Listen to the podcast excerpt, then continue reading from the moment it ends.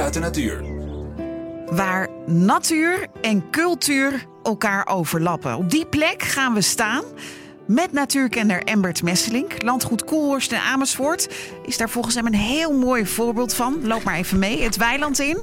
Waar direct opvalt, het zit allemaal heel strak in het vak. Daar zit een houtduif boven in de boom. Ik dacht even, wat is dat? En hier staat een blauw reiger in het weiland. Die vloog net vlak voor onze voeten op. En daar gaat hij weer.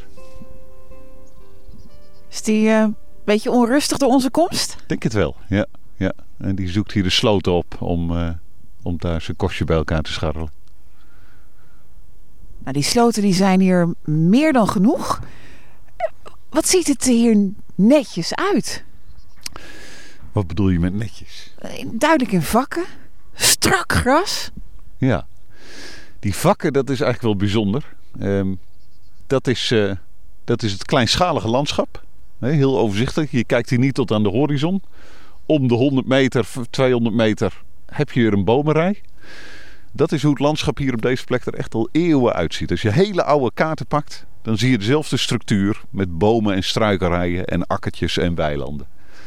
Dat is echt top. Dat vind je nou op heel weinig plekken zo langzamerhand in Nederland. Het kleinschalige landschap. We staan hier bij zo'n houtwal waar de bomen net weer zijn teruggezaagd en nu alweer een jaar zijn uitgelopen. Het is een heel gevarieerd landschap omdat mensen er actief in zijn. Vroeger werd het hout vooral gebruikt voor de kachel. Maar het is ook voor vogels bijvoorbeeld echt een prachtig landschap. Uh, je kunt er donder op zeggen dat na twee jaar nadat die, nadat die bomen zijn teruggezaagd en weer uitlopen, zitten hier de spotvogels in de houtwallen. Kleine zangvogels, geel-groen. Um, die echt horen bij dit landschap. Um, dus wat, wat weilanden, akkers en vooral bomen rijden, want daar nestelen ze. Het tweede is die weilanden. Ja, die zijn groen. Die zijn echt zo groen als alle weilanden in Nederland zijn. Dat is omdat er één type gras groeit. Dan zie je dat ook um, op dit landgoed natuur en boeren bij elkaar komen. Want die weilanden zijn gewoon alleen maar geschikt om zoveel mogelijk gras op te leveren voor de koeien. Daar is niet zo heel veel natuur aan te beleven.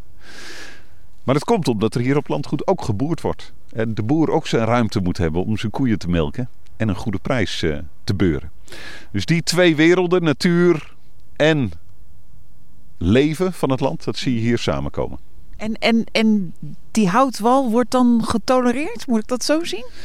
Nou, het is natuurlijk wel een, een gebied van natuurmonumenten. Dus die bepaalt wel veel. En de natuurwaarden worden hier absoluut in stand gehouden.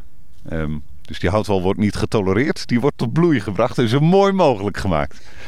Um, juist om in stand te houden wat er hier door de eeuwen heen uh, uh, is ontwikkeld. Want het is natuurlijk gewoon cultuurland. We zeggen dit is natuurgebied. Maar het is gewoon cultuurgebied. Hier hebben mensen altijd gewoond en gewerkt. Zolang als we kunnen teruggaan, terugdenken. Um, maar het is wel mooi. Er is echt iets moois van gemaakt. Het zou nog mooier kunnen, denk ik. Maar uh, er zijn nu. Uh, het zijn natuurlijk, als je terugkijkt met de kennis van nu, keutenboertjes geweest hier op het landgoed. Nou, twee daarvan hebben nu uh, de afgelopen jaren hun bedrijf gestopt. Dat betekent dat er ook wel weer nieuwe kansen komen om percelen natuurlijker te maken. En Embert, als we even teruglopen naar het hek waar we vandaan komen. Ja, dan lopen we uh, tegen een bomenrij aan waarvan onmiddellijk opvalt dat er twee, ja drie denk ik, die steken er met kop en schouders bovenuit. Ja, kijk dit is het ook. Boerenverkeer over het landgoed. Die twee uh, hele oude bomen zijn van voor de oorlog. In de oorlog, we, staan hier echt aan het randje van... Uh, de Eemok, die uh, loopt hier vlak achter de rivier. Dat was de grebbelinie in de oorlog. En dat betekent dat om het in staat van verdediging te brengen tegen de Duitsers, alles hier toen is platgelegd. De boerderijen in brand gestoken, afgebroken. Uh, alle bomen afgezaagd.